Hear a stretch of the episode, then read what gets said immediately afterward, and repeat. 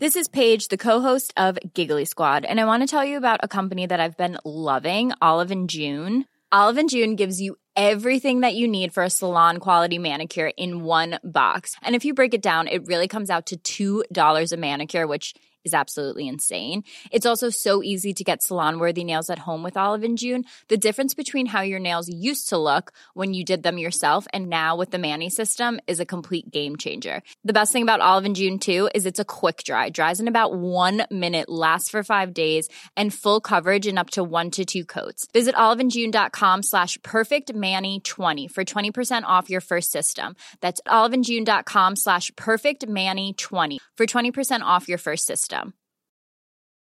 Wow. Nice. Yeah. What you're hearing are the sounds of people everywhere putting on Bombas socks, underwear, and t-shirts made from absurdly soft materials that feel like plush clouds. Yeah, that plush. And the best part? For every item you purchase, Bombas donates another to someone facing homelessness. Bombas. Big comfort for everyone. Go to bombas.com slash ACAST and use code ACAST for 20% off your first purchase. That's bombas.com slash ACAST. Code ACAST. Life is full of awesome what ifs, and some not so much, like unexpected medical costs. That's why United Healthcare provides Health Protector Guard fixed indemnity insurance plans to supplement your primary plan and help manage out of pocket costs. Learn more at uh1.com. Nej, Det är du som är med mig. Det blir Precis. eh, en så kallad Anders-tista. Det blir det. Ja. ja det blir toppen tror jag. Ja men det tror jag med. Jag kommer prata idag om eh, Musikhjälpen som ju eh, inleddes igår och Mm. drog igång. Och sen eh, ska jag rapportera också lite om det senaste då från klimattoppmötet i Dubai. Det ser vi fram emot. Ja mycket bra. Vad har du med dig? Jag ska snacka lite om elever som saknas i Göteborgs skolor och sen så ska vi ta en tur till Schweiz med tänkte jag.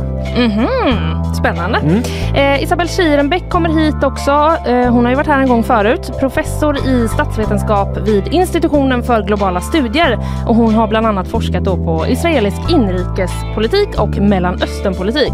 Eh, och vi ska såklart prata om henne med, prata med henne om eh, läget i Gaza och kriget mellan Israel och Hamas. Och sen efter det då, då blir det ju bakvagn. Ja, just det. Vad har du? Ja, men det, jag, jag nallade lite därifrån Ah, det är innan. då du har vi Schweiz. svänger till Schweiz eh, Mm. faktiskt. Ja, härligt. Någon, eventuellt att det kommer någon djurnyhet också om jag har förstått saken rätt.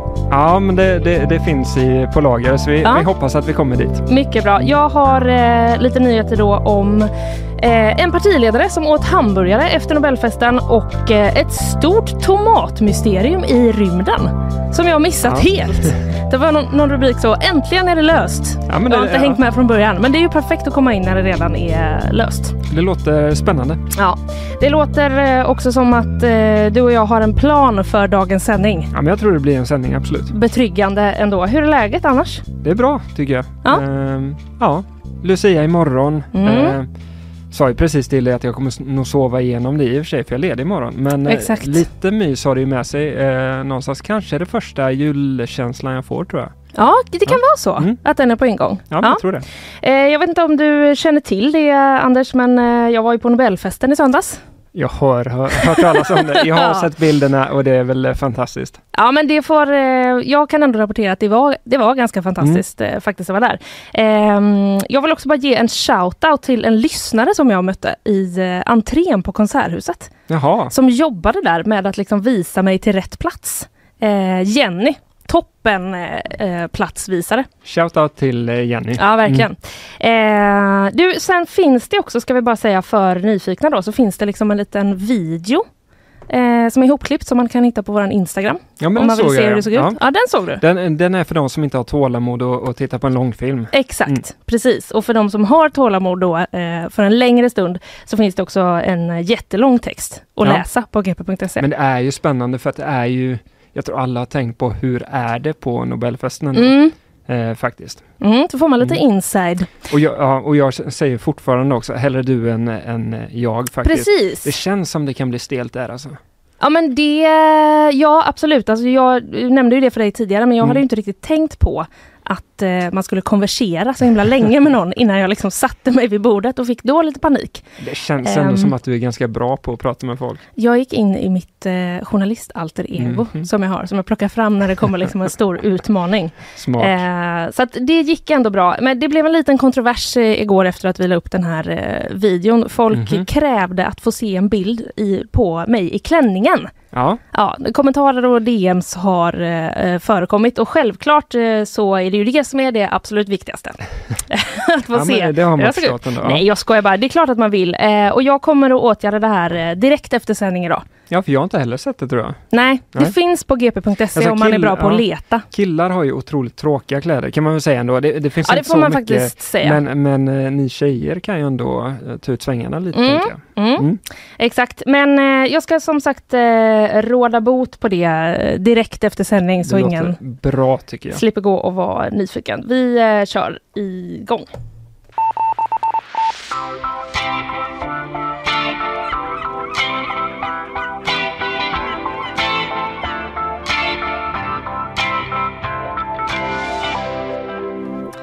Du, vid den här tiden på året så eh, brukar det ju hända någonting som gör att i alla fall ja, men vi på GP och eh, även våra andra mediekollegor eh, tittar upp mot skyn. Mm. Känner du till vad jag väldigt kryptiskt försöker prata om? Jag, jag vet vad du vill prata om, absolut. Ibland går det inte alls så bra. Det är ju julgransflygningen eh, Ja, som eh, Försvarsmakten håller på med. Mm. Eh, och det är faktiskt idag som den är planerad att ske. Ja, det är idag. Eh, kanske en av våra senaste jultraditioner, eller? Ja, verkligen. Känns inte som något från min eh, barndom att nu ska vi se på julgransflygning. Nej, det känner inte jag eh, heller igen faktiskt. Jag hörde nog om det första gången efter jag började jobba här. Tror jag. Ja, känns eh, rimligt för mig också. Ja. ja, men det är i alla fall eh, JAS-plan då som flyger i eh, liksom en formation av en julgran för de som inte har liksom känner till detta. Och igår så kom då beskedet att det blir ingen sån här flyg, flygning över Skåne och Blekinge för att vädret är för dåligt. Ja, De skulle ha gjort det förra veckan egentligen. Men så planerade de om till igår, men då var vädret också dåligt. Jaha, men man känner ju att de flyger ju ändå väldigt lågt så det känns som de skulle kunna komma under molnen men det gör de alltså inte. Det verkar inte så, men man undrar ju också lite, eh, kan vi inte flyga med JAS-plan i dåligt väder? Va? Det kanske blir meningslöst. Ja. Alltså eh, julgransmuller är väl ingen perfekt grej kanske? Nej precis, det är inte lika mycket stämning. Nej. Det har säkert att göra med att man kanske inte ser dem då. Eh, det måste ju vara så att vi klarar av att flyga ändå. Mm. Men i alla fall, i, eh, här över Göteborg då, för oss så lever eh, fortfarande hoppet. Ja. Mm, det ser ut att bli, eh, eller Lena Bogren ska jag säga, som är kommunikationschef då på Skaraborgs flygflottilj. Ja. Det är de som gör eh, detta. Hon eh, sa till oss igår då, eh, vi gick precis igenom väderleksrapporten och står fast vid att flygningen ska genomföras. Det låter ju eh, som att det blir så. Precis, Mm. men helt säker är hon inte läser jag också. Nej. Nej. Vädret under tisdagsmorgonen blir avgörande. Mycket kan fortfarande hända, men vi håller tummarna för att vädret är på vår eh, sida.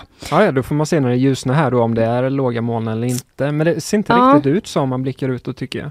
Det ser ut som att eh, det är flygväder. Ja, men jag hoppas på det och då vill jag också bara säga att planen är då att eh, man över Göteborg ska kunna se detta klockan 15.38. 15.38, ja det är väldigt eh, specifika tider så. Ja, verkligen. Kungälv då, Göteborg då, Halmstad Precis. då. Ja. För bara, eh, bara sex minuter innan dess, då är de i Kungsbacka. Mm. Så det går ju snabbt. Alltså detta. det gör ju det. Mm. Ja, det Man får jag, inte jag, blinka. Jag skulle säga så här, väldigt konstig tradition måste jag ändå säga. Det är lite udda Det är tradition. lite udda, det är det. Men, men samtidigt är det, det verkar så otroligt häftigt att, att få flyga med ett JAS-plan. Ja. Exakt. man, ja men du vet, man kör rallybil utan regler. Man, man kör mycket lägre, mycket snabbare Mm. än alla andra. Ja, häftigt. Kan det vara en reportageidé till nästa år så att du får åka med i JAS-planet? Mm, jag, har, eh, jag har funderat lite på detta om man ska eh, försöka sälja in detta. Mm. Mm. Jag tycker att du, eh, att du kör. Mm. Och vi kör också igång. Men vi ska börja prata lite om eh, Musikhjälpen eh, då. Det drog ju eh, som jag sa tidigare igång eh, igår. Mm. Eh, lite popquiz. Vilken stad är de i? Vet du det? Ja, Ja, jag lyssnade i morse så det är Växjö ah, snyggt jobbat. Eh, och det är Småland vilket ligger mig varmt Ja men det gillar ju du. såklart. Ja. såklart. Vi lyssnar lite bara för känsla på hur det lät.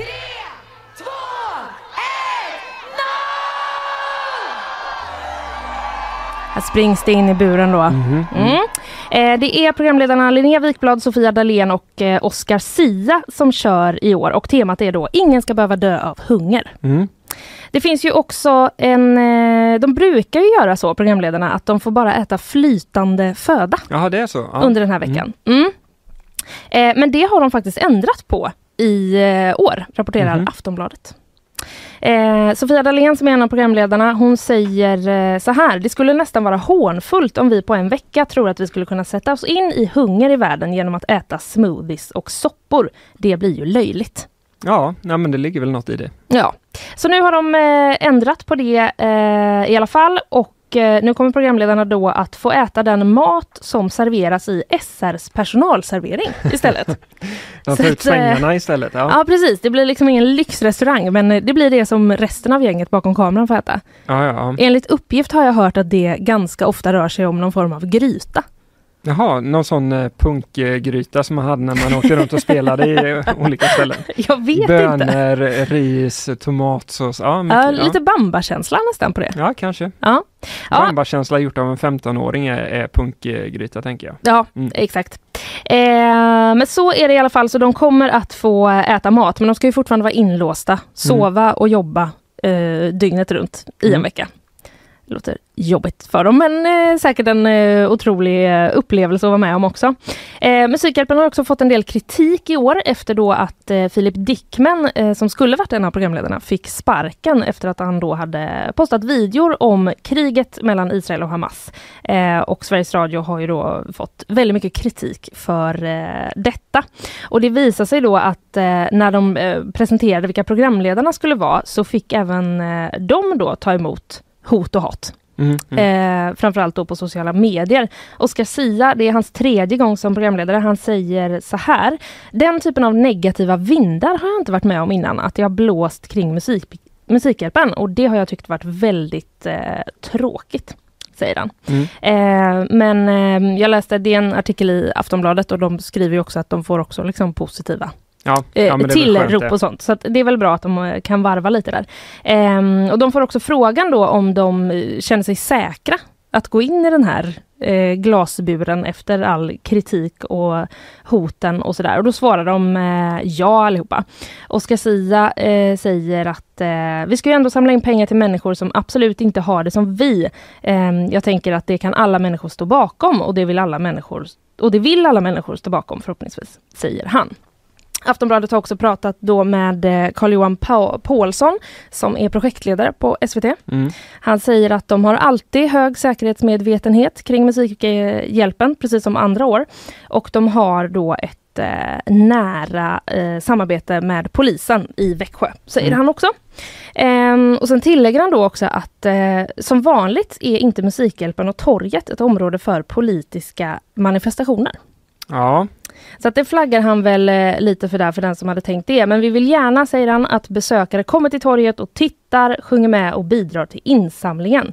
Eh, ja, kärlek och omtänksamhet eh, uppmanar han till. ja, just det. Men det känns ju som att det kan ju mycket väl bli lite manifestationer och annat. Eh, Ja. Det får man väl se helt enkelt, men det, det känns ju inte helt otänkbart. Nej precis, det känns och kanske möjligtvis inte, jag vet inte, men möjligtvis inte att man blir liksom, man hade gjort färdigt sina plakat och så läser man detta och så tänker man, nej, Nej, eh, nej men då, då gör vi Nej. ingen eh, grej. Nej, men vi får väl se vad det blir. Sist men inte minst så vill jag bara berätta lite också om eh, vilka aktioner som finns ute. Mhm, Ja, men Det- det, det har jag inte sett något faktiskt, så det, det vill jag veta. Ja, men det funkar ju så att eh, ja, men kändisar, ganska ofta är det ju, aktionerar Mm. ut någonting eh, och så skänker man pengarna för det eh, till Musikhjälpens eh, ändamål då. Eh, är du sugen på att höra något av vad som finns att bjuda Mm. på? Eh, Mm. Kör. Eh, det är kulturredaktionen här på GP faktiskt som har hjälpt oss att sätta upp en liten Är det här de rolig lista. bästa nu eller är det bara några? Jag, jag vill helst ha de allra, allra bästa Du, faktiskt. det framgår faktiskt Nej, inte hur, ri- hur liksom urvalet har eh, gjorts, men jag skulle tippa på att det kanske är de mest eh, liksom, eh, ja, men i ögonfallande i alla fall, som eh, tas upp här. Eh, man kan till exempel då buda på eh, Bamme Larsson och David Sundins originalskrivbord från Bäst i test. Jaha, ja. Mm. Mm. Känner du till dem?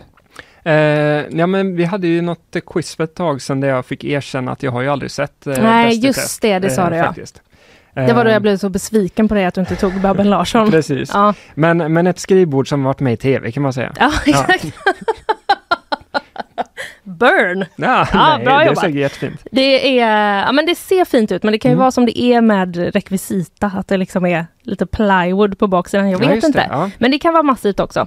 Mm. Eh, man kan i alla fall också eh, bjuda då på en eh, privat spelning med Markoolio, eh, möjligheten att ta över eh, Therese Lindgrens Instagramkonto för en dag, Mm. eller sjunga en duett med Molly Sandén nästa sommar. Den i mitten där känns ju lite läskig. Man måste ju ha lite förhållningsregler. Ja, Instagramkontot tänker Ja, du men på? precis. Ja, eh, jag, jag hoppas att hon har tänkt lite kring eh, regler och sånt innan. Känns, eh, ja vi hoppas på det. Ja, Mm. eh, slutligen då eh, biskopen Susanne Rappmans pingisracket. Jaha, Är det något Mm. som... alltså det, det finns något i det Ja, någonting. Ja, mm. eh, och jo, men som bonus då kan vi slänga in den magiska bärnstenen från årets julkalender.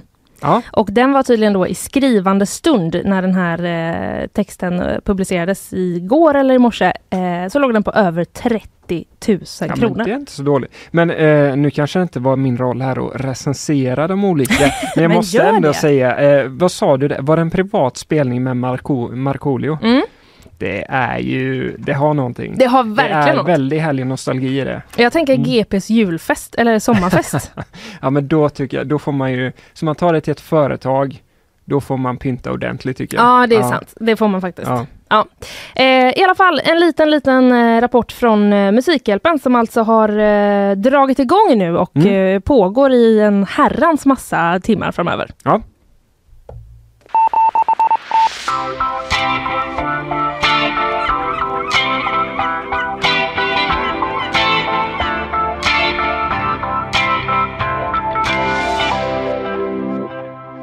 Nu Anders är det dags att eh, välkomna upp eh, vår kära kollega Isabella Persson. Nej förlåt. News Persson är det ju vi kallar dig. God morgon! God morgon! Hur står det till?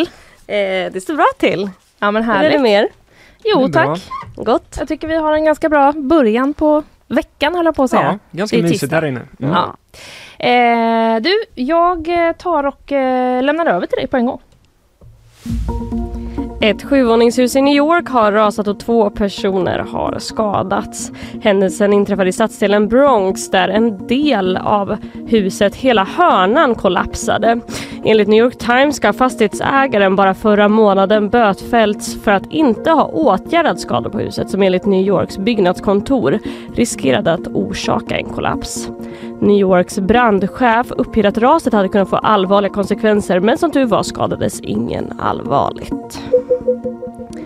Ett norskt tankfartyg har träffats av en robot som misstänks ha avfyrats av Houthi-rebellerna i Jemen. Detta rapporterar Omni och hänvisar till nyhetsbyrån AP. Och enligt AP tyder attacken på att rebellgruppen nu utökat sina mål genom att beskjuta fartyg som saknar tydlig koppling till Israel. De har däremot tidigare i dagarna gått ut och hotat med att attack- attackera fartyg som tros vara på väg till och från Israel. Det beskjutna fartyget hade lämnat Malaysia och var på väg mot Suezkanalen när det attackerades men alla besättningsmän klarade sig utan skador. Närmare hälften av alla ensamstående föräldrar måste låna pengar för att ha råd med mat. Det visar en ny enkät som organisationen Makalösa föräldrar gjort. 40% svarade att man tvingats låna pengar för att kunna betala basala utgifter såsom mat och boende och över 70% av de tillfrågade upplever en oro för ekonomin. Det framgår också i enkäten att många barn oroar sig för familjens ekonomi.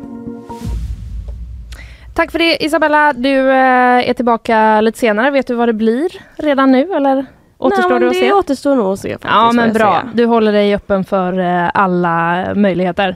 Alla Eh, nyheter som kommer. Ja mycket bra. Vi hörs sen då.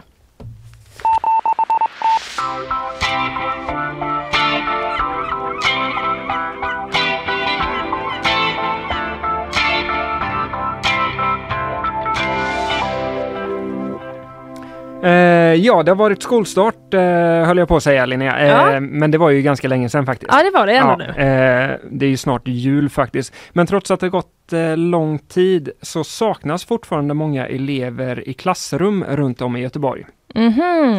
Eh, det är tre månader nu efter skolstart och totalt så saknas det 158 elever i Göteborgs grundskolor. Eh, Oj. Ja, Nu har jag ingen aning alls om hur många som går i Göteborgs grundskolor men det, det känns vet jag, ändå... för jag har skrivit en Ah, parentes här. Otroligt! Totalt 47 000 elever i Göteborgs eh, grundskolor. 47 000. Mm. Ja. Eller kommunala grundskolor. Mm. Eh, men ja, 158 av de eleverna saknas i alla fall. Ehm, och det är ju så här att barn i Sverige har ju skolplikt. Eh, och om de inte dyker upp så är skolorna skyldiga att ta reda på var de befinner sig. Eh, och att de faktiskt får den utbildningen som de eh, ju har rätt till. Mm. För det har man ju. Eh, annars så försöker man ta kontakt med föräldrar och sådär och i slutändan blir det en eh, orosanmälan till socialtjänsten och sådär. Eh, men okej, eh, 158 barn som saknas då. Så Eh, fortfarande saknas då också? Ja precis, Ja. visst är det en siffra man studsar till på 158 barn, det är många tycker jag. Det, ja verkligen, alltså visst att eh, 47 000 som du nämnde men jag menar det är ju ändå ett barn för varje siffra Mm. som man inte vet vart de är. Ja men lite så, eh, och det, det ska man säga att i många fall så har skolorna någon slags idé om var barnen Mm. befinner sig. Alltså, eh, det kan ju finnas flera olika anledningar till att man inte dyker upp i skolan. Då. Det kan till exempel handla om att man har flyttat eh, men inte att familjen har sagt det till skolan. Eh, det kan handla om en förlängd semester i vissa fall. Eh, men det kan ju också vara så att eh, barn hålls borta från skolan och därför är det ju då väldigt viktigt för kommunen och skolan att ta reda på var barnen faktiskt är. Mm. Eh, och sen så huruvida det här är många barn då inom citationstecken Ja. eller inte är också lite svårt att säga för kommunen har helt ärligt inte haft den här statistiken över tid riktigt. Så man, man har inte riktigt koll på om det här är ett bra eller dåligt år. Eh. Eh, Men en av de skolor där det saknas flest barn i alla fall är Bergsjöskolan eh, där det är 19 ärenden då som har gått vidare från skolan till skolpliktsbevakningen heter det. Mhm. Eh, Det är dit ärendena kommer när, när man inte lyckats fastställa att barn eh, får den utbildningen som de har rätt till och då skolan tar kontakt med föräldrar, försöker liksom föra dokumentation över, har vi papper på att de går i skolan på rätt sätt Mm. eh, och så vidare. Och om de inte lyckats då liksom fastställa att jo, men det här är helt i sin ordning, Mm. då skickar man vidare ärendet och då blir det så här skolpliktsbevakningen som tar över det då. Ja, ja, till proffsen. Ja, precis. Men då är det alltså, där är 158 ärenden nu. Ja, det är så där precis. 158 ärenden Så är. det, Okej. det är ju efter de här tre månaderna så är det fortfarande 158 barn där man inte är helt nöjd med att här vet vi exakt att Mm. allt är som det ska.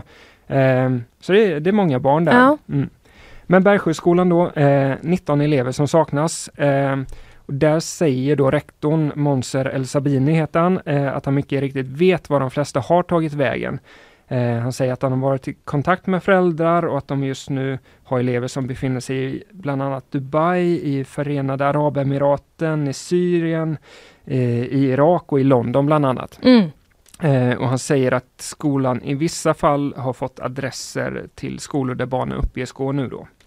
Eh, men det han säger här då eh, är också viktigt. Han säger att vi kan aldrig vara 100% säkra, men vi har gjort det vi ska göra och har ingen anledning att misstro föräldrarna i många fall då. Nej, just det. Eh, Nej, då är det inte nödvändigtvis att det är 158 barn som är helt puts väck. nej, Det är vi- bara det att man inte är liksom helt Precis, säker och det är på... väl det som är det viktiga här, att, Ja. att man, man vet inte helt säkert ut, Mm. utan man måste ta reda på mer om de här barnen. Men eh, han säger också att det finns elever som de inte vet var, var de befinner sig. Mm. Eh, på Bergsjöskolan handlar det om ett par unga barn i förskoleklass där som inte vet eh, var de Okej. är just nu. Och både Monser El Sabini och en annan rektor som GP har varit i kontakt med säger att eh, just nu så har de liksom inga tecken på att det skulle handla om hederskultur eller så eh, som ligger bakom frånvaron. Mm. Eh, men det är just det här eh, som vi som jag återkommer Ja. till att man vet ju inte helt eh, i alla fall. Eh, så därför, ja, därför undersöker de hela tiden Mm. eh, var de här barnen finns då och lämnar vidare då till nästa instans för att få ta reda på var de finns. Skolplikts... Eh, så vi letar vad upp var det igen. Nämnden? Skolplikts... Det var bara att jag tänkte- Bevakningen, Bevakningen, det var att jag tänkte att jag Mm. skulle styla och så kom jag på, Ja. jag, kan, jag kommer inte ihåg vad det hette. Nej, inte jag heller. Skolpliktsbevakningen. Mm. Skolpliktsbevakningen, eh, väldigt så eh, rigid titel. Ja, Eh, men ja, eh, var var jag någonstans? Ja förlåt. Eh, nej men det är ingen fara. eh, nej men eh, även, även eh, politiken reagerar kraftigt på de här siffrorna såklart. Mm. Eh, vi har pratat med ordförande i grundskolenämnden, eh, Victoria Tryggvadottir Ro- Rolka, socialdemokrat är ju hon. Och hon säger att det är helt bedrövligt att vi inte vet var 158 skolpliktiga skolbarn befinner sig. Mm. Och den, den åsikten kan man ju förstå liksom. Mm. Eh, ja, men, och jag återvänder lite till det här. Det finns lite olika anledningar till att eh, elever saknas. Eh, men eh, rektorn på Bergsjöskolan då, som är en av de skolorna som nämns i GPs artiklar, eh, funderar lite kring det här. Jag tycker det är ganska intressant att, att lyfta upp i alla fall.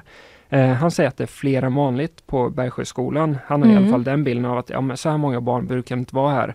Eh, och han tror också att det är familjer som flyttar utomlands och han tror att det kan handla om att svenska samhällsklimatet och LVU-kampanjer, kommer du ihåg LVU-kampanjen? ja precis. Som handlar om att socialtjänsten eh, ja, men tar eh, barn eh, då, eh, från utländska föräldrar. Mm. En desinformationskampanj, Mm. mycket riktigt, precis.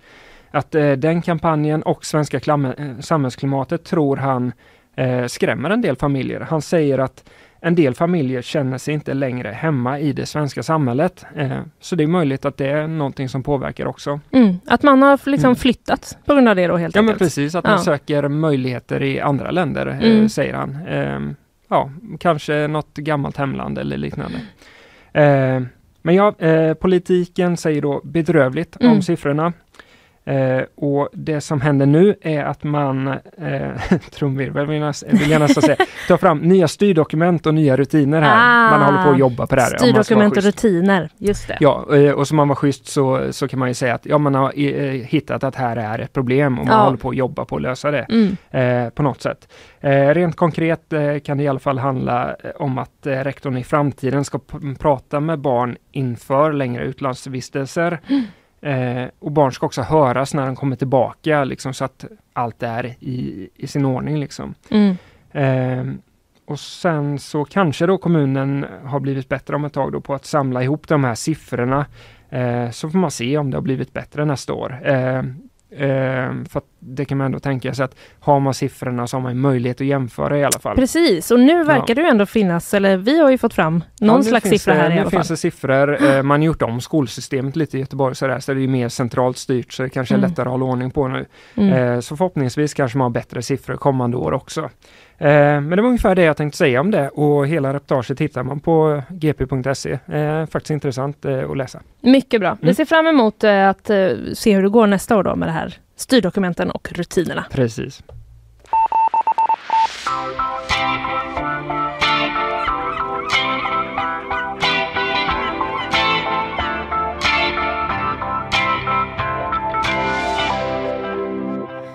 Nu ska vi ta oss till Dubai och eh, Coop 28 eller COP 28. Vilken tycker du känns bäst i, i Alltså, munnen? eh, jag tänker att man säger Coop men det känns också fel. Men, Visst gör det? Men COP betyder också någonting annat på Jaha. engelska. Svårt är eh, faktiskt. Väldigt svårt. Det är väl en fråga vi kan reda ut med Mm. eh, kanske Institutet för språk och folkminnen. De håller väl på med sånt. Ja men det känns som att vi blir glada över det samtalet. Ja, men det tror Mm. jag ändå. Eh, vi hade ju med Anneli, vår eh, utsända reporter i Dubai i programmet igår och pratade då en hel del om att eh, det tar ju slut idag. Mm. I alla fall enligt plan. Ja, Sen vet man ju då att eh, det kan bli en del eh, nattmanglingar och eh, Men Det har fördröjningar. en tendens att dra ut på tiden lite de Ja. där. Mm. Och det tycker jag, eh, alltså jag kan bara, tycker det verkar jättejobbigt att liksom sitta så hungrig och trött och försöka komma överens om något svårt. Ja, Det känns inte som bra förutsättningar men det är väl så det, det, är väl så det blir. Men enkelt. de har inga sådana eh, bara flytande föda utan det är... Det tror nej, jag inte, nej. utan jag tror de är, fria att äta eh, vad de vill. känns rimligt ändå. Ja, fakt- Mm. Jag tycker alla borde ska få, eh, få äta vad de vill. Ja, Det är min kontroversiella åsikt.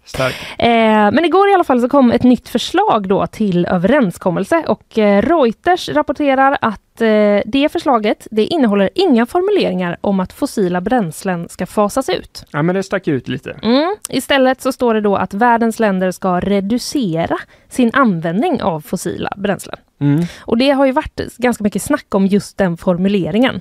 Ja, även innan mötet Ja. eh, får man väl säga att det var en Ja. sån knäckfråga. Exakt. Eh, och i det senaste utkastet då så går man på den eh, men, lite lättare linjen kan man säga, att man ska reducera, inte fasa ut. Eh, och eh, Sultan Ahmed Al-Jaber då som bossar över eh, Coop 28 och också är chef för det statliga oljebolaget i Förenade Arabemiraten. Mm. Han säger då eh, så här enligt eh, Omni om eh, det här förslaget. Den här texten reflekterar våra ambitioner och är ett enormt steg framåt. Mm. Eh, till till TTs eh, reporter så säger han eh, också så här, eh, citat, det går bra. Toppen!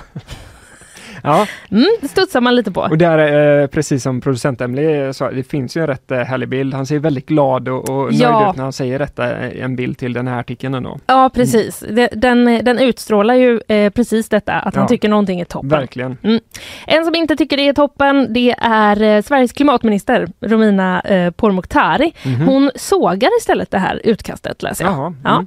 I ett sms till SVT eh, så skriver hon så här. Sverige kommer att framföra att punkt 39 om fossila bränslen inte är bra nog. Ja.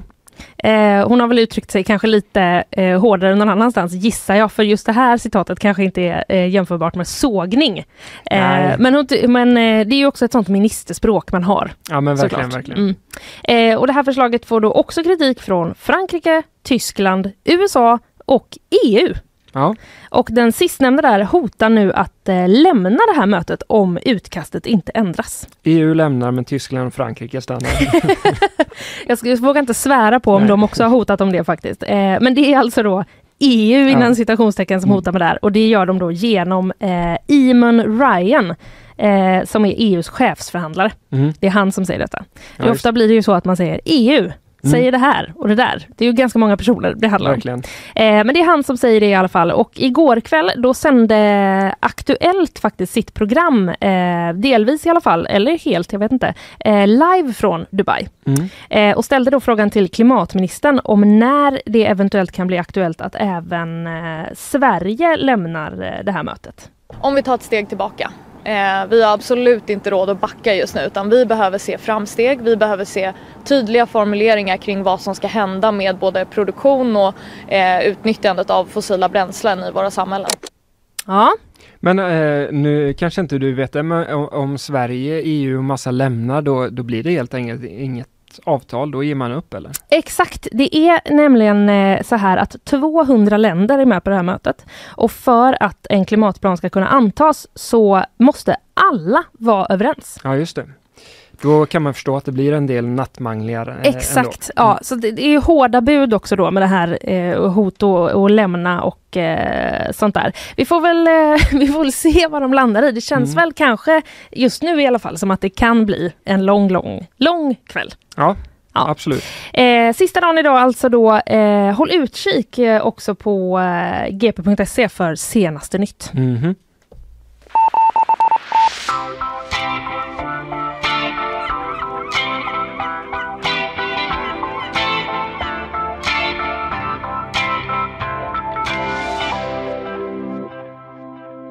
Nu då Anders ska vi eh, snart få in eh, vår gäst. Det är Isabelle eh, Kirenbeck och vi ska prata om läget i Gaza och kriget mellan Israel och Hamas. Vi släpper in henne bara så är vi tillbaka strax. Yes.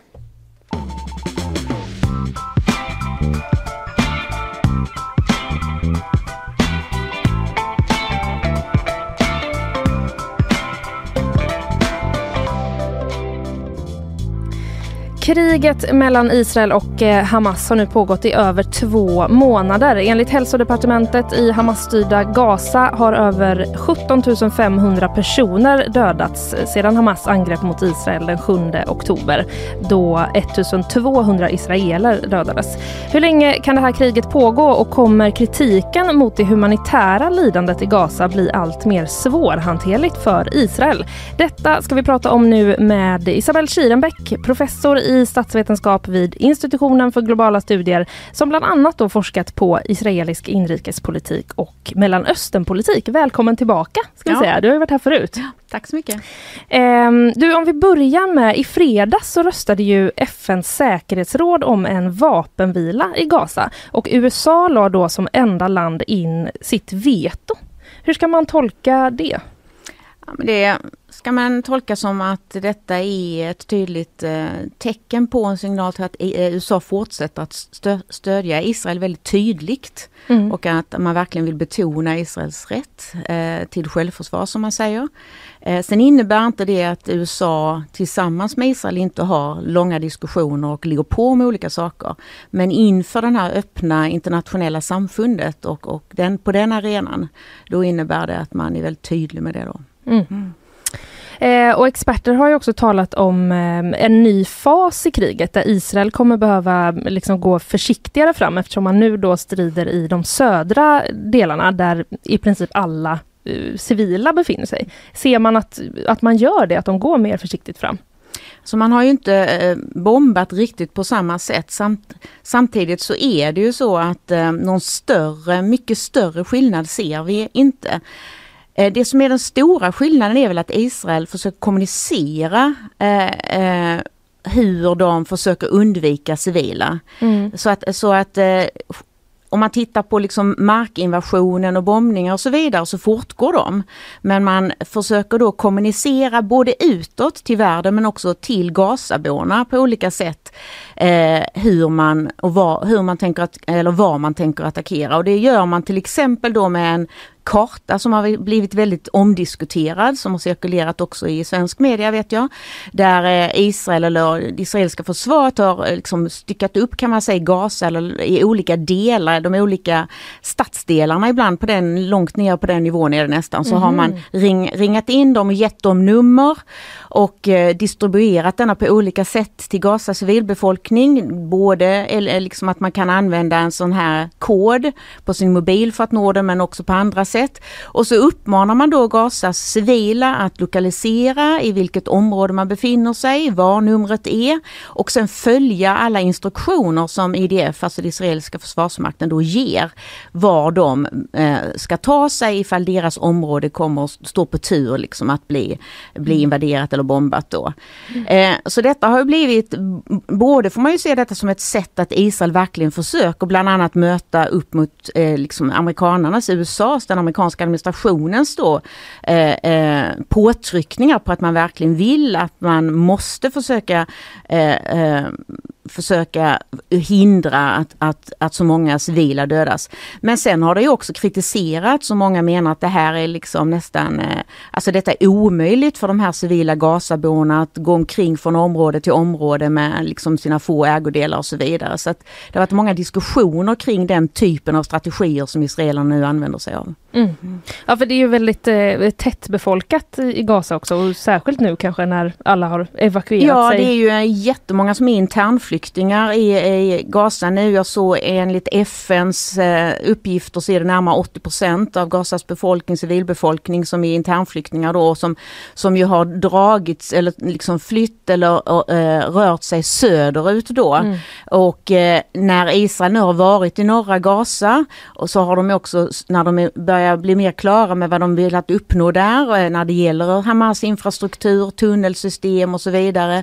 Så rör man sig, har man ju rört sig söderut nu och det är speciellt runt en stad då där man tror att Hamas, delar av Hamas ledarskap kanske befinner sig. Mm. Och det, det, är en av de stora städerna i den här delen av Gaza. Mm. Mm. Men eh, du sa ju det att eh, USA en, i alla fall öppet visar liksom stöd för mm. Israel.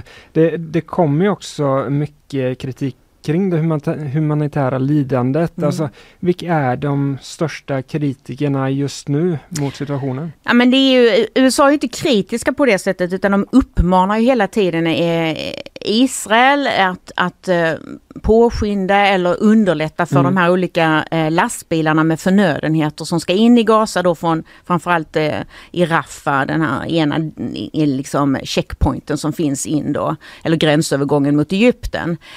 Men sen har vi ju EU, vi ser ju att EU har också agerat allt mer och en sak som EU har gjort, de börjat diskutera de senaste dagarna och det har även amerikanerna gjort, de var först ut faktiskt, det är att, att man ska hindra eh, extrema bosättare eh, från Västbanken att få inresetillstånd till USA och eh, nu diskuteras det även i EU-sammanhang att vissa EU-länder vill göra som en sort av påtryckning som också ju handlar om att det som försiggår i Gaza nu är en sak men det har också eh, blivit allt allvarligare läge på Västbanken och där Mm. är ju just bosättarna väldigt aktiva, de som representeras av bosättarna då.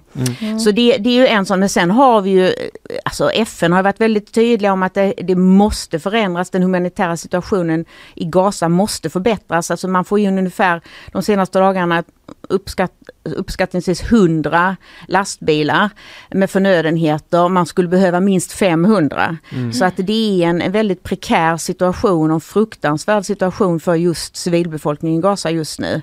Sen är ju detta också en del av en form av propagandakrig kan man säga, där ju också Israel aktivt då också med, är ute och menar att nej det är inte bara vi som hindrar det, vi uppfyller en del av det här överenskommelsen men det försinkas eller försenas av andra anledningar.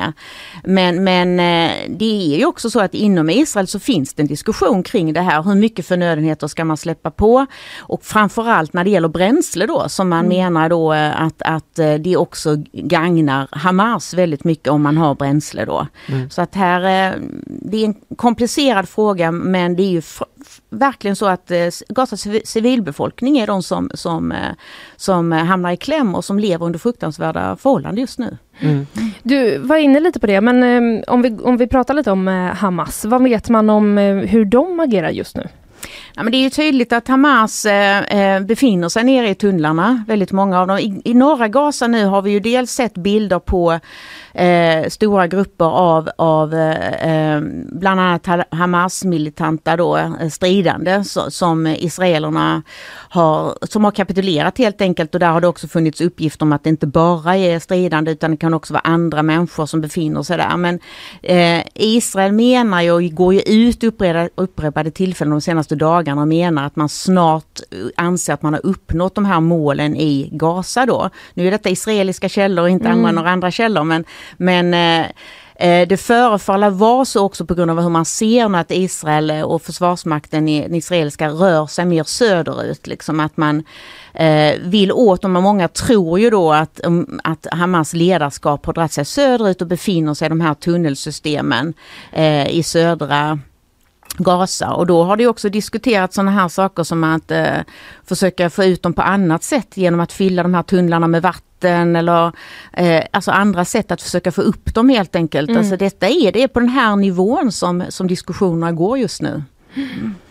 Eh, för vi vet ju också att eh, Israel för en intensiv jakt då på Hamas-ledaren eh, Yahya Sinwar, Mm. eh, om jag uttalar det rätt, Mm. hjärnan då Mm. eh, bakom terrorattacken den 7 oktober. Vad vet vi om var han befinner sig Ja, någonstans? det är bland annat honom som de eventuellt tror att han finns i Khan Yunis för att han har haft, det har varit hans bas tidigare så att säga.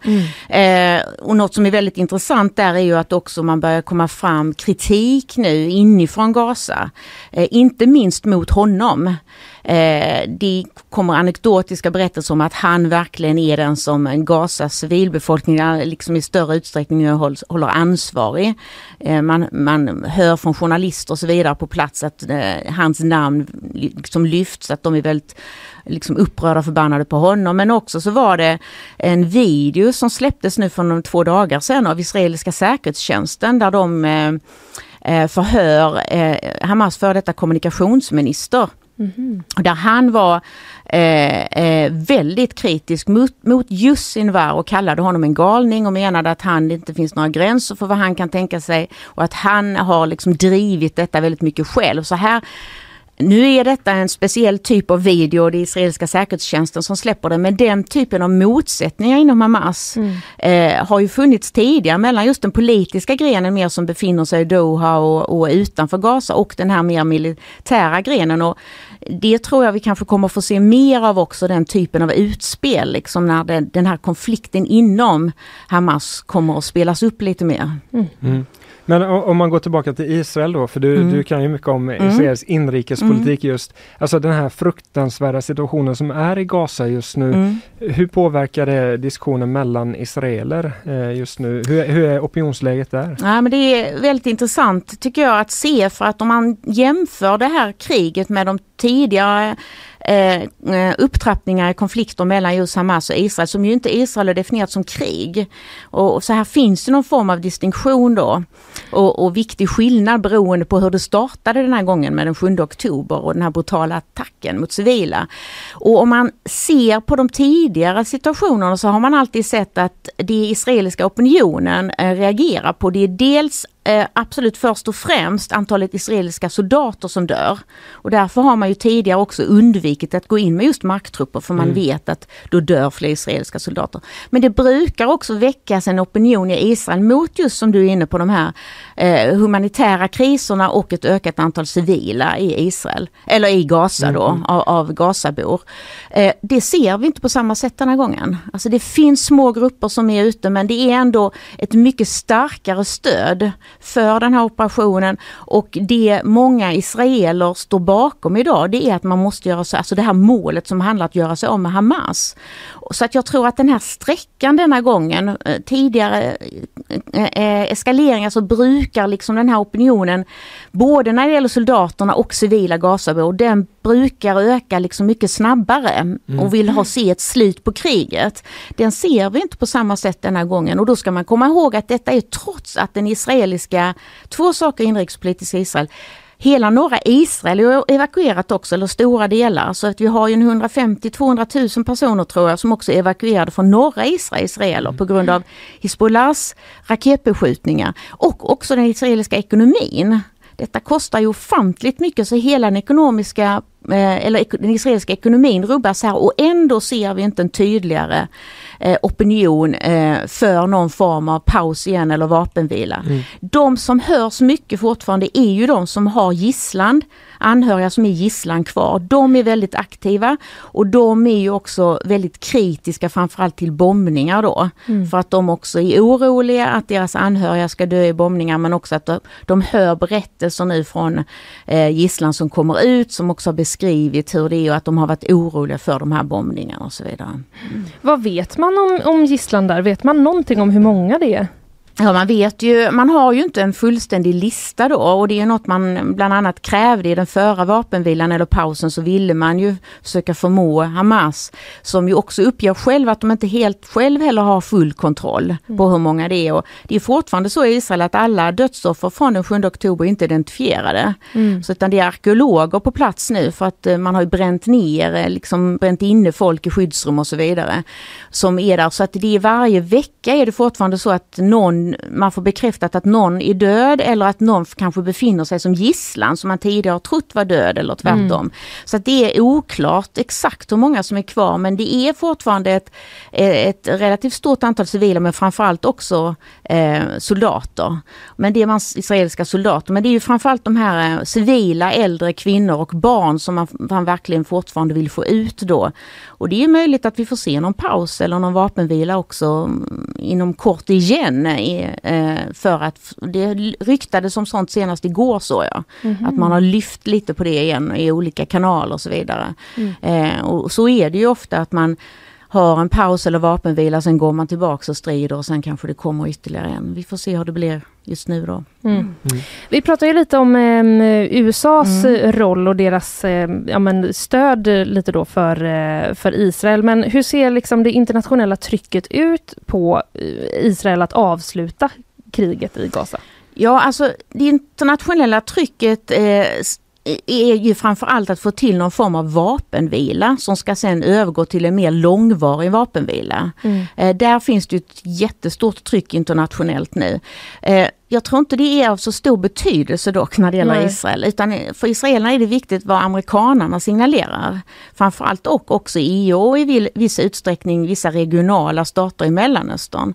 Och det som eh, eh, händer nu är ju att USA har varit väldigt tydliga med vissa saker, bland annat på det här G7-mötet så var ju de ute och hade en presskonferens och var tydliga med ett antal saker som handlar bland annat om att eh, palestinier ska inte fördrivas från det här området, de ska vara kvar i området, att man måste undvika civila dödsoffer i så stor utsträckning som det finns, men också det här med de humanitära insatserna, att man måste försöka verka för att de kommer in. Eh, så att de har varit, och bland annat också det här att det här området, territoriet, får inte minska. Mm. Och här ser vi ju en liksom konflikt som börjar utspela sig nu mellan eh, USA och, och Israel där, där Israel alltmer signalerar att man för att uppnå de här målen och det tredje målet som har lagt tills allt mer nu när man talar om det från israeliskt officiellt håll är att Israel ska inte kunna hotas från Gaza igen. Mhm. Och där började diskuteras någon form av säkerhetsbarriär nu. Det hade man ju i södra Liba- Libanon under lång tid. Och där är det då eh, amerikanerna ute och signalerar tydligt att om man ska ha en sån så får den inte ligga på det Gazas område så att säga, på det palestinska området. Mhm. Utan- Men någon form av fysisk? eh, Liksom, Ja, eller en, en eh, säkerhetszon som Ja. kan se ut på många olika sätt då. Det behöver inte vara just fysiskt med nödvändighet, någon form blir det ju. Men, men just det här liksom att ett avstånd emellan Mm. som är någon form av säkerhetszon. Och, och där ser vi att det för, förs diskussioner nu och kommer ut väldigt motstridiga uppgifter från hur den amerikanska administrationen ser på detta och hur den israeliska, eh, det här krigskabinettet då framförallt ser på det. Vad kan man säga om, alltså samma typ av fråga, men, eh, men om man eh, ser på Hamas istället? Alltså Mm. vad kan få dem att lägga ner eh, sina vapen? Vilka kan sätta press där? Ja då är det ju framförallt då är det ju eh, olika arabstater. Eh, eh, och Doha har de ju väldigt eh, nära relation till och deras politiska ledarskap sitter där och sen är det såklart stater som finns i kulisserna här som Iran men också så handlar det ju om om, om, om eh, också huruvida hur Hizbollah agerar i detta såklart. Så att det finns ju den typen av, av eh, aktörer som då ligger på Hizbollah när det gäller framförallt gisslan till exempel då också. För att det är ju ett av målen som Israel säger alltså det hade ju, frågan är vad som hade hänt om gisslan hade släppts. Då hade det ju varit svårare tror jag för Israel att fortsätta den här eh, operationen. Ja, det. Då kan de inte använda det som Nej, då är ju argument. ett mål uppnått i varje Mm. fall, att få ut sin gisslan. Men, men så där finns ju påtryckningar såklart på, på eh, Hamas och det finns ju också eh, uppgifter om att den palestinska myndigheten, representanter från den och representanter från arabstaterna har samtal också om, om, eh, om eh, den palestinska myndigheten som ju styrs av Fatah och PLO, om de skulle kunna bli mer aktiva och i, i någon form av roll, framförallt i någon övergångsfas och så vidare om vi blickar framåt då. Så att eh, visst, det förs finns ju påtryckningar på båda parterna såklart. Men alltså, du, hur länge tror du att det här kan pågå? Ja, alltså nu verkar det ju, alltså flera sådana här militärexperter, analytiker och så vidare är ju ute nu, alltså, som sitter med i, i eh, då, är ju ute och pratar om tre till sex veckor. Det är en sån här siffra som har dykt upp nu som man menar att eh, det kan fortsätta på ett liknande sätt och sen behöver, sen vill den amerikanska administrationen se någon, for, kommer de att vilja se någon form av förändring i det sätt varpå Israel bedriver det här kriget. Så att, eh, och idag och igår så gick Israels försvarsminister galant ut och sa att, eh, och, och, och sa i flera uttalanden att eh, eh, fler och fler av de stridande i Gaza ger upp och vi får allt mer kontroll över norra Gaza och det är väl också någon signal i vilken utsträckning det, det har skett och i, hur, hur nära de är är svårt att säga men det är ändå någon signal här som han försöker sända tror jag. Eh, om att vi är på väg att, eller liksom, vi är en, inne i en ny fas och nu rör vi oss i södra Gaza, King och de också väldigt eh, liksom medvetet också signalerar och talar om eh, vilka framsteg de gör då utifrån ett israeliskt perspektiv i södra Gaza. Och, men jag tror ju januari i varje fall så kommer det se ut på ett liknande sätt och sen får vi ju en annan fas. Det kommer inte innebära att eh, kriget tar slut utan då kommer det ju föras bedrivas på ett annat sätt Mm. eh, framöver. Så detta kan bli en långvarig, långvarig konflikt, långvarigt krig. Ja, just det. Men, men just mm, i och med att det är så intensivt nu. Mm. Kritiker eh, pratar ju om det här som händer i Gaza som ett folkmord. Mm. Andra säger att men Israel har rätt att försvara sig Mm. själva. Eh, alltså det är en svår fråga men, Ja. men hur tror du att man kommer se på det här konflikten och kriget i framtiden, det som händer just nu? Ja, det kommer ju absolut bli så att eh, eh, det kommer att bli utredningar och eh, eh, kommissioner och man kommer att titta på båda parterna, absolut, både Hamas och Israels. Och i vilken sätt eh, i vilken utsträckning de har begått krigsbrott, i vilken utsträckning det har skett någon form av etnisk rensning eller folkmord som du är inne på. Jag tror ju att krigsbrott kommer att vara något som båda aktörerna kommer att, eh, det kommer att slås fast tydligt att det har begåtts av båda aktörerna. Mm. De, övriga, de övriga punkterna är svårt att säga, alltså, hur det kommer att falla ut för att detta är juridik. Mm. och inte Alltså det är en, en annan sfär, alltså man bedömer detta på ett annat sätt. Det är en juridisk fråga och det får vi avvakta och se hur det bedöms helt enkelt. Mm. Isabelle Kirenbäck säger det, professor i statsvetenskap vid eh, institutionen för globala studier eh, här i Göteborg. Tusen tack för att du eh, kom hit idag och tack så mycket. hjälpte oss. Tack.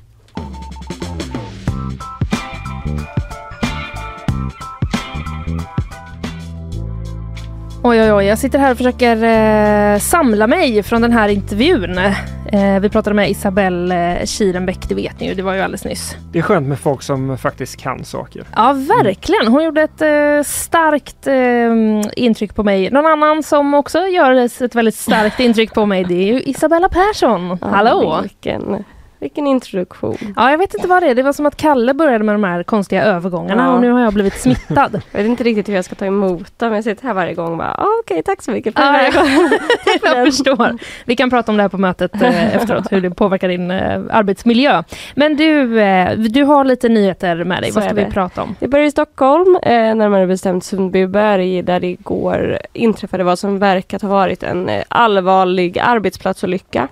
En hiss, eh, bygghiss rasade 20 meter ner vid en byggnad. Oh. Eh, när en arbetsplats där och i den här hissen ska det befunnit sig fyra, fem personer. Det här inträffade då igår. Eh, lite bara en uppdatering om vad som vi vet där. Ett högt fall får man säga. 20 meter är ju mm. extremt eh, oh. högt alltså. Mm. Eh, du som också tycker det är otäckt med hissar Linnea. yep. Right in your alley. right ja, nej, your alley, den här nyheten. Men ja, otäckt. En förundersökning om arbetsmiljöbrott har inletts. Eh, och man har genomfört förhör och också då inlett en teknisk undersökning för att reda ut vad det är som har hänt. Varför har den hissen rasat? Eh, vi vet inte mer i nuläget men man håller på med den här undersökningen i alla fall. Mm. Sen har det också varit lite oklart kring skadeläget. Mm. Eh, mm. Vi har inte fått veta så mycket uppgifter eh, om de skadade eller de som har varit i den här hissen. Fem personer pratas det om, skadats varav tre allvarligt. Mm. Eh, åklagare Gunnar Jonasson eh, uppger att ja, kan inte ge några mer uppgifter eh, om skadeläget men säger att det inte heller finns någon eh, misstänkt i nuläget. Nej. Så det är det vi vet mm. Eh, därifrån eh, just nu. Ja just det, ja precis det skedde väl eh, igår va? Ja, ja. så det är ju en Tidigt utredning läge. som ska pågå mm. eh, framöver. Eh, nu ska vi prata lite sjukdomar här mm. inför mm. jul. Så det är många, vi, vi har haft, eh, Fanny har varit så eh, här på redaktionen varit så, kom inte nära, kom inte nära, jag kan inte bli sjuk nu för jul. Backa, backa, backa. Ja, hon ska ju resa bort ja. ja. Det vill man ju inte riskera. Nej, och det är väl många som känner samma sak. Ja. Men vi har lite smitta i omlopp får man lov att säga. jag trodde du skulle säga på redaktionen just nu. Ja, det har vi. Det känns som att på varenda arbetsplats så är det väl eh, smitta eh, ja. på olika sätt. Inte om du har uh, hört det Isabella, men jag var ju på Nobelfesten. Jag har hört detta. Och då kan jag bara meddela att under prisutdelningen där när det var tyst vissa stunder, det hostades friskt ja, det gjorde runt det. omkring ja, mig. Mm. Men det känns som att det är så. Det var liksom en bild av samhället, den här mm. Nobelfesten. Mm. eh, Covid-19 har tagit fart igen. Vi har en ja, ökad smittspridning. Så, ja. ja. så är det. Eh, syns på, på IVA, eh, också fler som har avlidit men också framförallt då kanske att det är den här typen av lätta symptom mm. eh, som många har. Eh, vi har influensasäsongen som dragit igång, kikhostan ökar. Kikhostan? Mm. Vi går in i RS-virussäsongen som framförallt eh, drabbar småbarn och sen så rapport... Det här är en deppig lista. Ja, det är en deppig lista. Sen så kommer vi till den här eh, svåruttalade bakterieinfektionen som heter Mycoplasma pneumoni kanske. Mm. Mm. Ja. Bra uttalat. Ja, tack så mycket. Ja. Eh, något åt det hållet, lite som eh, statsepidemiolog som ingen kunde uttala. Eh, ja, för exakt. tre år sedan, nu kan alla uttala det. Nu kan alla. Snart eh, kommer ni höra Mykoplasman. Nej, vi hoppas väl inte att man pratar om mykoplasman på samma sätt som alla pratar om Anders Tegnell. Ja. Eh, men det är en bakterieinfektion, eh, en luftburen droppsmitta. Herregud vad detaljerat det blev på sjukdomsfronten. Ja, men det är vi också bekanta med nu, droppsmitta och luftburen och sånt. Ja, det har rapporterats om den här tidigare, bland annat kanske ni har hört om den att eh, i Kina så rapporterades det om att många barn fick eh, plötsligt eh, lunginflammation. Mm. Ja. Och i Danmark har den här också bakterieinfektionen fått eh, nått epidemisk nivå. Aha, Mm. men det är det här alltså, det var det här det var i Kina? Ja, det Ah, var den ja, här okej. mykoplasman. Mm. Eh, så det är liksom, man får vara lite försiktig nu eh, framöver och eh, hålla sig, eh, försöka hålla sig frisk. Magnus Gisslén tipsar ändå så här, var försiktig men inte för försiktig. Nej just så här, om du har feber eller känner dig lite krasslig och så, så ska du undvika, som under pandemin, träffa äldre och folk i riskgrupp. Då kanske man ska hålla sig utomhus eller hålla avstånd som vi har lärt Mm. oss. Men det är viktigt ändå för, för välmåendet att träffa nära och kära, säger han också. Ja, mycket bra medskick av eh, vår, eh, numera då en göteborgsk eh, statsepidemiolog har vi ju. Mm. Mm. Magnus Gisslén. Ja, han har ju varit här också. Mm. Kanske Eh, anledning att komma tillbaka nu. Ja men det tycker jag. Mm. Bra idé. Ja. Ja. Eh, tack för idag Isabella. Tack så mycket. Vi ses eh, sen.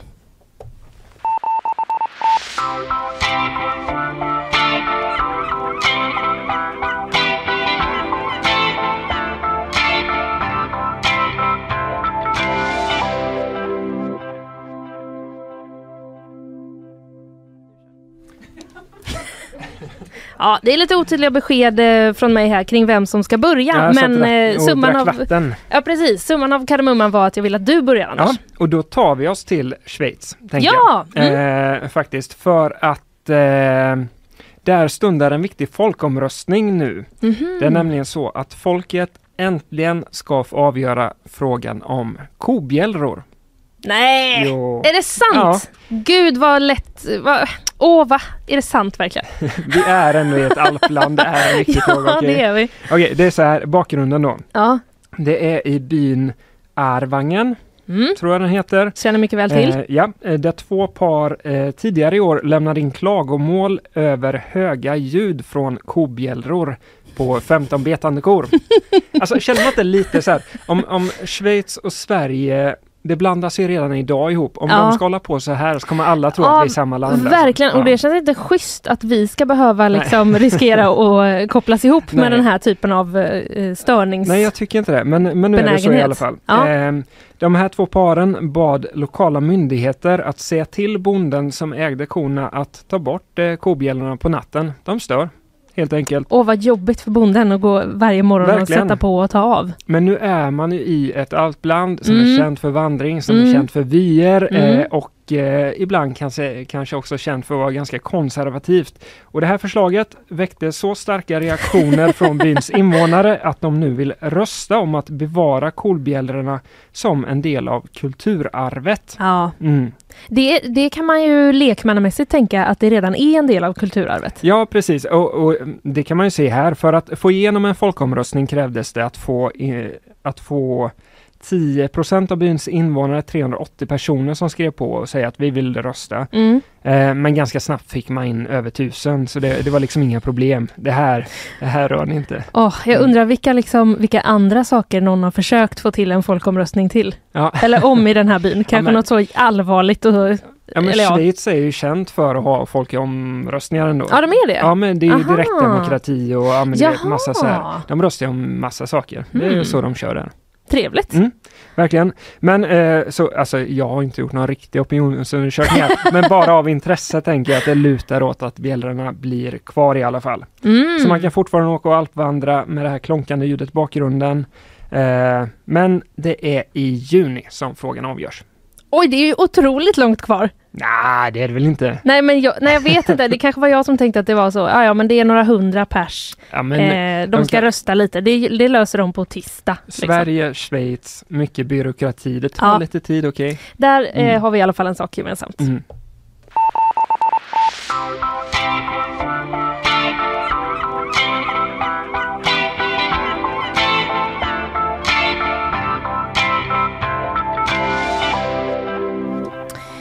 Blir två mysterier från mig eh, idag. Mhm. Mm. Det första eh, har ägt rum på ett lyxhotell i Paris. Jag lyssnar. Är det någonting du har varit på någon gång? Eh, nej, Nej. Det, jag har varit i Paris men lyxhotell, nej vi bodde i husvagn. Jag minns också att farsan åkte in så här på de här små gatorna och så, och så blev det för smalt, för trångt, skulle han hålla på och backa ut genom. Åh, fruktansvärt! ja, och så en, eh, en stressad och lite sur morsa så, Mm. och så gnälliga barn bak. Ja men det rekommenderar varmt. Förlåt, det var sidospår. Nej men vet du, jag har en liknande upplevelse eh, av en bilsemester eh, Mm. när jag kanske var 12. När vi liksom snurrade runt, runt i den här, vad he, det finns ju någon sån ringled eller någonting Mm. eh, i Paris. Säkert. Den Ja. heter liksom inte periferiken men typ eh, vi kallade, eller den kan vi, ja jag vet inte. Där snurrade vi i alla fall runt Mm. eh, många, många varv och det var ju på den tiden när GPSen var väldigt ny. Ah, Eh, och inte så detaljerad att den Nej. eh, var tydlig nog för min pappa att visa vilken avfart det var. Jaha, så att, eh, hur många varv blev det? Kanske tre. eh, jag minns inte riktigt Ja, det är men eh, det är så vi brukar eh, beskriva det. Ja i alla fall det här har ingenting med eh, semestrande skandinaver att göra den här Nej. nyheten utan eh, jag läser på gp.se att eh, ring värd miljoner hittad i dammsugarpåse på lyxhotell i Paris. Mm. Eh, då, och det är då ett mysterium för den här ringen har varit borttappad eh, efter att anställda anklagats för att ha stulit en diamantring värd miljoner har den nu då hittats Oh, i skön en revansch där ändå alltså. Ja, verkligen. Det är en, eh, en malaysisk affärskvinna då som återvände till sitt hotellrum på det här eh, lyxhotellet eh, och då upptäckte att hennes diamantring värd motsvarande 8,4 miljoner svenska kronor. Alltså så här, jag, jag misstror inte hotellpersonal på något sätt, det gör jag verkligen inte, men jag tycker ändå att ha en ring för 8 miljoner, lägg inte den på nattduksbordet och gå Nej, därifrån. nej, men då lägger man den väl ändå i någon slags eh, Frans Jäger-historia. Ja, jag tycker det. Eh, höll jag, på att säga. Men det, åter, det vet jag faktiskt inte Nej. precis vart hon hade lagt den heller. Eh, men i alla fall, hon gjorde en anmälan om eh, stöld och eh, hon sa då till polisen att hon misstänkte att det var någon anställd på hotellet som stulit den. Eh, jo, och hon uppgav att hon hade lämnat den på ett bord i sitt hotellrum. Ja, du ser. Ja, Ja, du Mm. ser, det var så. Eh, eh, Ritz då, som hotellet heter, de uppgav att det var ett intensivt sökande under lördagen efter den här ringen, men man lyckades inte hitta den. Eh, alla ledtrådar återstår att undersöka, sa de i ett uttalande. Ja. Mm. Men i alla fall i söndags då så kom eh, eh, det, gläd, det glädjande beskedet att man hittade den i eh, dammsugarpåsen. Eh, så här säger hotellet i ett uttalande då. Tack vare säkerhetsagenternas noggranna efterforskningsarbete. Har hotellet egna säkerhetsagenter tror du? Det verkar nästan Ja. så. Men jag menar det kanske man har på ett lyxhotell. Eh, efter det i alla fall då hittades ringen eh, i morse. Men den här malaysiska affärskvinnan hon hade redan hunnit lämna Paris. Jaha, Ja, men hon hade bara rest till London. Så eh, nu ska hon då resa tillbaka till Paris för att hämta att- upp eh, ringen. okej. Annars tänkte jag säga att jag, jag rekommenderar rekommenderat brev. In, inte vanliga posten. Inte Postnord Nej, inte, kanske. inte slarva nu. Eller vanliga Ja, posten i mm. något annat land. Mm. Men, ja. eh, hon ska tydligen också ha blivit erbjuden tre gratisnätter som kompensation. Men det uppges hon har tackat nej till. Mm. Ja. Ja. Eh, tydligen är det här inte heller första gången som eh, smycken anmälts som försvunna eller stulna på det här hotellet. Nej. 2018 så var det fem beväpnade män som stal smycken och juveler till ett värde av över 4 miljoner euro. Där känns det ändå som att man kan misstänka att stölden Att det var en stöld, stöld. ja. Exakt. Det hittades sen i en eh, skurhink. Nej, jag. Eh, ja, men precis. Motsvarande 45 miljoner svenska eh, kronor då. Men det här var då från en smyckesbutik inne i hotellets eh, anläggning. Mm. Så att eh, det verkar inte ha varit eh, eh, liksom riktigt samma grej. Men senare samma år läser jag då så uppgav en icke namngiven medlem av den saudiska kungafamiljen att smycken värda miljoner stulits från hens hotellsvit. Jaha. Mm. Och där eh, har jag ingen mer information än att detta har alltså uppgivits då av en medlem i den saudiska kungafamiljen. Eh, så ja, eh, håll i era miljonringar om ni eh, går på lyxhotell.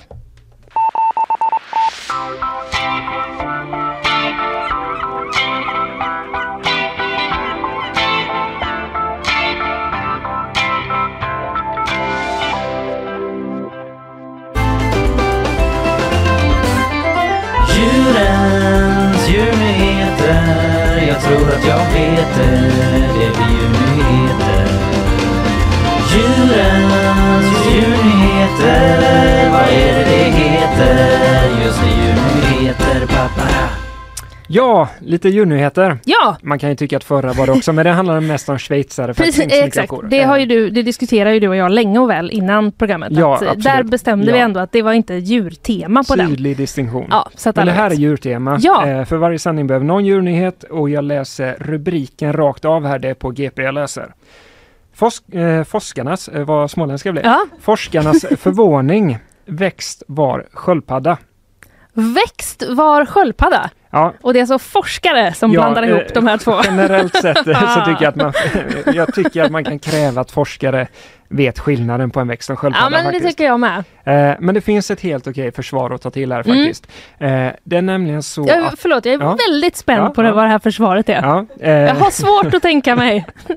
Nej men det är nämligen så att det, det handlar om ett fossil Ah. Mm. som hittades av en präst i Colombia. Mhm. Och inte nog med det, utan det hittades någon gång mellan, jag läser rakt av, Ja. 1950 och 1970.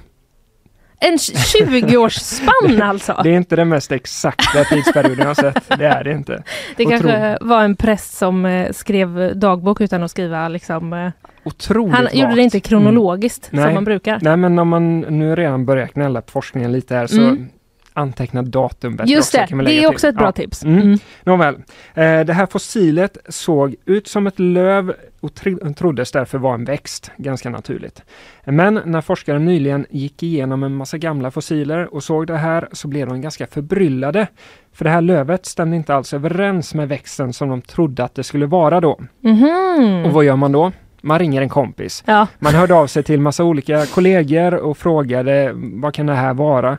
Och då kom man fram till att det här är inget löv, det är ett skal.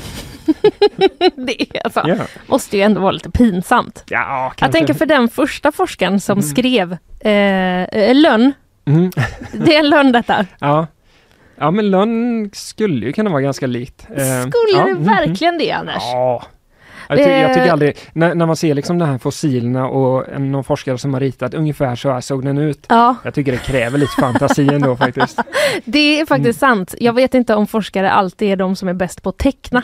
eh, eh, faktiskt. Nej, Eh, vi kan lägga upp en omröstning sen. Vi lägger upp ett lönnlöv och en sköldpadda så får lyssnarna försöka gissa vilken Ja, som är men vilken. det tycker jag är rimlig Mm. eh, faktiskt. Mm. Eh, ja, men det var en liten sköldpaddsunge i alla fall. Ah. Så var det. Men det var väldigt länge sedan kan vi säga också. Eh, och när nu misstaget upptäckts så, så kom vi till den lilla gnu, eh, gnulliga... Ursäkta mig. Jag ber om ursäkt. Det så här det brukar vara. Men eh, då kommer vi till den lilla gulliga knorren som varje djurnyhet Ja. behöver Mm. ändå. Mm. Eh, den har fått ett namn. Åh, den har fått ett namn! Jag Vad tänkte heter den? föreslå, är det att den har återförenats med sin mamma? Nej, Men det går ju inte riktigt, eller det blir Nej väldigt det har svårt. den inte. Den Det- heter Turtwig. Och det namnet, Turtwig? ja, och det namnet har den fått efter en Pokémon som är en blandning mellan en sköldpadda och en växt. Nej, vad gulligt! Otroligt passande. Åh.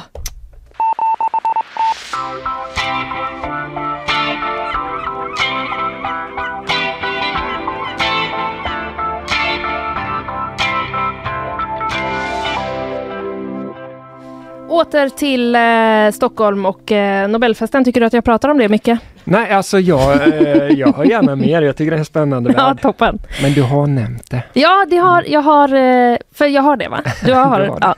eh, I alla fall, eh, det var ju toppengod mat kan jag meddela, tre rätters. Mm. Och eh, en annan som eh, också var där var ju eh, Ebba Busch, näringsminister. Mm.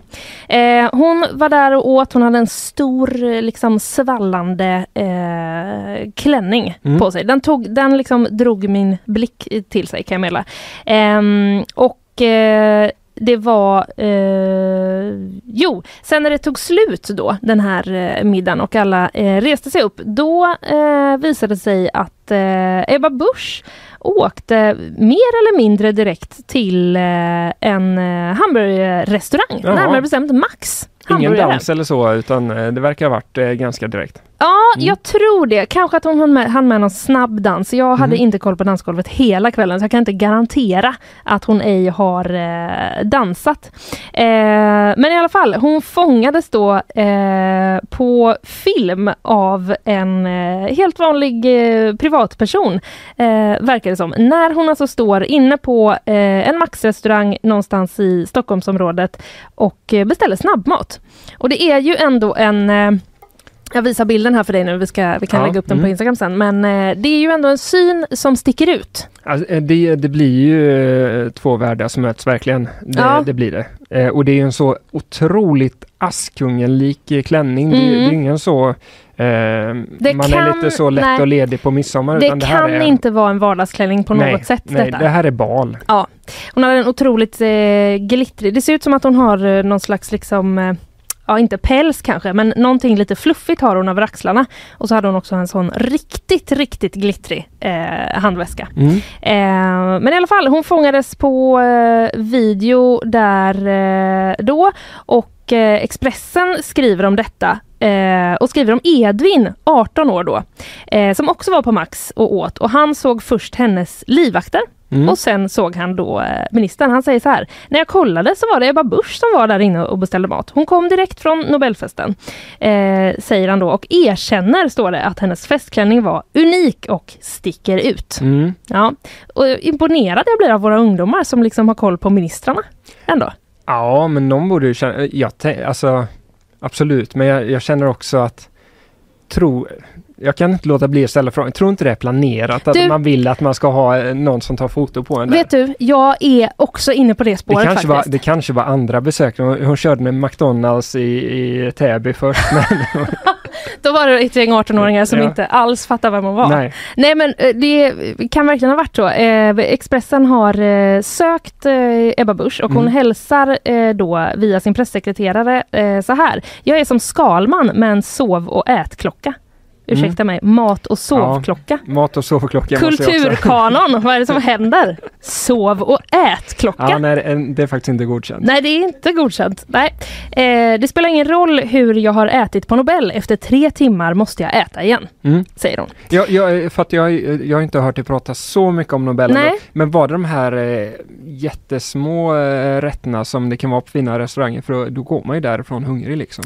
Ja men så kan det vara, men det gjorde jag inte i detta fallet för huvudrätten var eh, liksom, den var väl eh, tilltagen.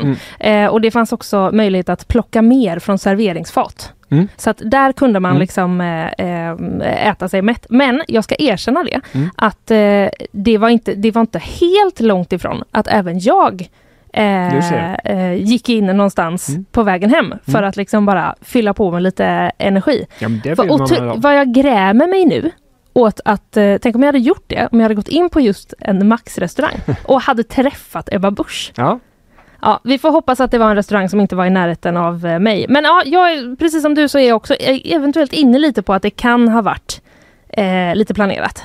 ja, men det, eh, ja alltså man kan ju vara sugen på en burgare absolut, men det känns också lite så. Jag, jag får de Ja. vibbarna i alla fall. Men det känns väl också som att eh, hon inte nödvändigtvis hade behövt gå in själv och ställa sig och klicka på de här apparaterna och få ett nummer och stå och vänta, eller? Ja, jag, jag vet. Jag bara Eh, tänker ja. mig det. Nej, Ja. kanske inte. För jag minns också att förra året inför Nobelfesten, då fanns det en bild på eh, Ebba Busch och eh, Johan Persson i alla fall när de stod på en bensinmack och åt en korv innan. Det känns eh, också för att ladda upp. taktiskt. eh, Eller smart, hur? Ja. Ja, så att ehm, ja, vi vet inte eh, helt enkelt hur det var. Men eh, någonting åt hon i alla fall. Ja. Där inne.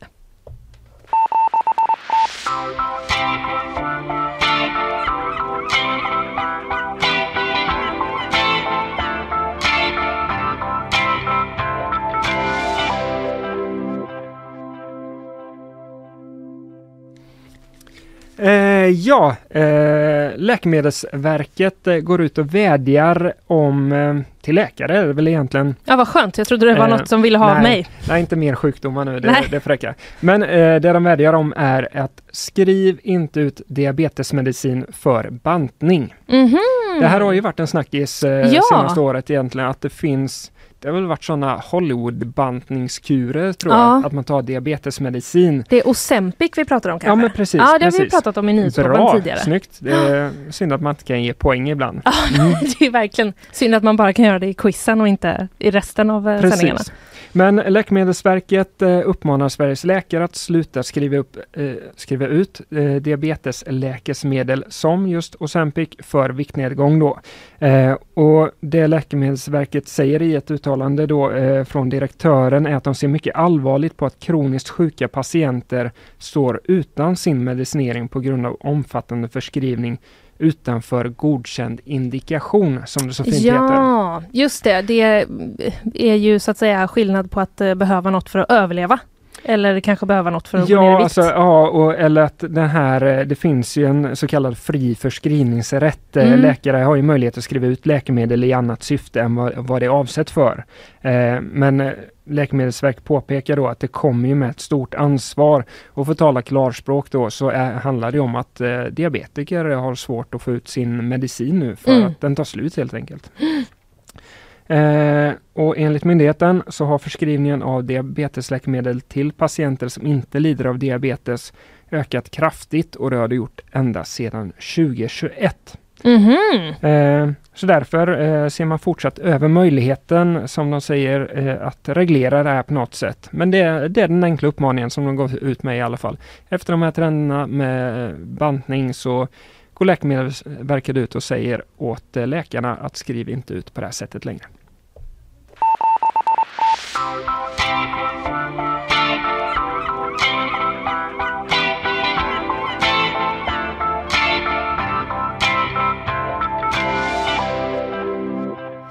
Ett till eh, mysterium bjuder eh, jag på idag. Det tycker jag är härligt. Ja, eh, och detta är eh, märkligt skulle jag vilja säga. Mm. Det är liksom också precis min typ av nyhet så jag förstår inte riktigt att jag inte har sett det tidigare. Nej. Men någonting har väl hänt. Jag läser i alla fall på gp.se att eh, rymdens stora tomatmysterium äntligen är löst. Ja, skönt.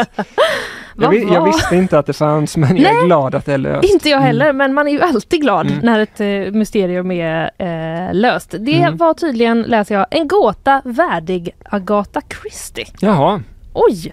Eh, men nu har eh, mysteriet alltså eh, löst. Det var då så här, ska vi ta det från början eller? Det tycker jag. Annars eh, Det är känns tråkigt onödigt. att börja i slutet. Ja, Ja. man ska inte förstöra en bra Agatha Christie-historia. Nej, nej, precis. Nej. Som jag gjorde med eh, ringen och dammsugaren. Ja, Avslöja direkt Ja. hur det löste sig. Ja. Annan dramaturgisk kurva. Ja, nu har jag lärt mig till eh, denna gången. Det här i alla fall, det tog sin början eh, tidigare i år, läser jag, eh, när den amerikanska astronauten eh, Frank Rubio slarvade bort en körsbärstomat ombord på rymdstationen ISS. Ja, Hur, eh, ja de har tomater där uppenbarligen då, verkar det som. ja. Jag tänkte mig att de bara åt så Men, torr, frystorkad. Jag, jag hörde om den här nyheten. Det var väl, jag tror att det var han själv som odlade den faktiskt. Ah. Att det, det var han, som forskare skulle han testa att odla grejer i rymden och se om det funkar. Och när han väl lyckas så slarvar han bort den. jag tror det var så. Åh, det var... Eh, ja, Titta, jag har lyckats men- odla tomater. Okej, visa oss. Nej, det Den, nu är, det, du har tagit den. ja, Visa den då. väldigt oklart. Eh, ja, jo men vet du vad, det stämmer ju precis. Ja. Det var en av de första tomaterna som har odlats i Mm. Förlåt, nu lägger jag mig i ditt mysterium här. Nej men det, det är varmt välkommen att eh, göra det. Eh, jag läser också då att på ISS där kosten främst består av eh, påsar med torkad mat så är färska råvaror guld värda. Du, det förstår jag att det Ja. kan bli slagsmål om en tomat. Att en tomat kan vara så Mm. värdefull. Det ska man tänka på nästa gång man står där Fast i du vet, butiken. det är ju vad man gör innan som gör maten god. Va? För att du vet, om du är ute och vandrar och har Mm. som frystorkad mat, Ja det, då den kan blir ju, skitgod då. det kan ju vara fruktansvärt gott Mm. faktiskt. Ja, perfekt. Eh, I alla fall, men när den här tomaten då eh, försvann så försökte astronauterna på ISS lista ut vem som kunde ha stoppat i sig den. Det här känns ju också som att liksom, det är lite farligt att det uppstår en sån här situation i rymden. Tänk om de börjar bråka liksom. Ja. Konsekvenserna kan ju bli ödesdigra. Ja, man vill Av- helst inte ha någon med jätterisigt temperament när Nej. man är uppe. Nej. Det kanske de har eh, ordnat. Men i alla fall, de flesta pekade då ut eh, Frank Rubio, som också var den då, som, mycket riktigt, som hade odlat tomaten. Eh, men han hade ju också tappat bort den. Han säger så här, jag la den i en liten påse. Ja. Det börjar ganska bra. Ja, det tycker eh, jag. Bra tycker jag. plan. Jag var helt säker på att jag hade förseglat den som jag skulle. Men när jag kom tillbaka var den försvunnen. Det sa han då till CNN i oktober. Mm. Alltså vad är vi då, typ ett halvår efter att det har skett. Ja. För det verkar ju ha varit i början av det här Något sånt. året. Kan man Ja. göra som, eh, som på vintern här, att man öppnar dörren och har liksom kylskåp eh, på utsidan på ISS? Ja, ah, det är ju bara att hitta den igen ja, om den har flugit Nej, men- ut nej, ur hela tänker, stationen. man, ja, man, man har någon sån liten avsats där man hänger ut, eh, så är maten kall. Ja, Mm. möjligtvis. Ja, men Emily eh, påpekar mycket riktigt här att eh, ty- har tyngdlösheten någonting med det här Mm. att göra? Och det skulle det kunna vara då, för det, det räcker ju att eh, påsen inte är stängd och den typ, vad är det, Ja, lutar det. uppåt eller något, Ja. så kan den ju bara flyga ut. Ja. Fråga mig inte om eh, hur detta eh, funkar. Men han hade i alla fall, eh, när han sa det här till CNN i oktober, då hade han varit nere på rymden, eh, nere på jorden, ska jag säga, i en månad. Eh, men innan han då lämnade stationen så hade han ägnat många fruktlösa är det någon slags pun intended där eller? Eh, timmar åt att leta efter tomaten och eh, att, framförallt då att bevisa sin oskuld. Ja. Eh, det hade han sysslat med på rymdstationen. Perfekt.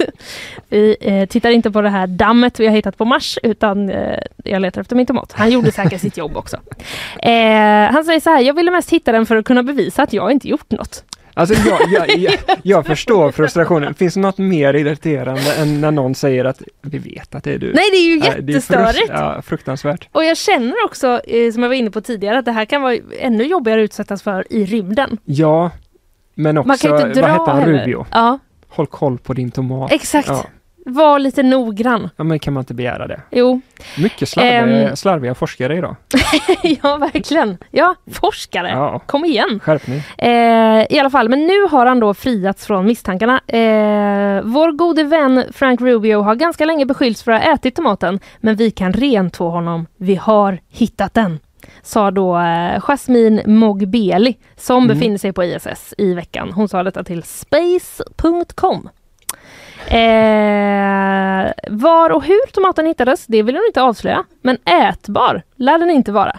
Nej, men vadå vill inte avslöja? Jag vet inte, Hur det låter ju det otroligt mystiskt. Det låter ju typ som att hon åt upp den. Jag tycker mysteriet lever, helt ärligt. Vet du vad det här eh, skulle kunna vara? Nej. Det skulle kunna vara så att de har varit där uppe och bara okej, någon av oss har uppenbarligen ätit den då kanske. Ska vi bara säga att vi har hittat den? Ja. Så att vi liksom sätter punkt för den här, det här bråket eventuellt som kan uppstå.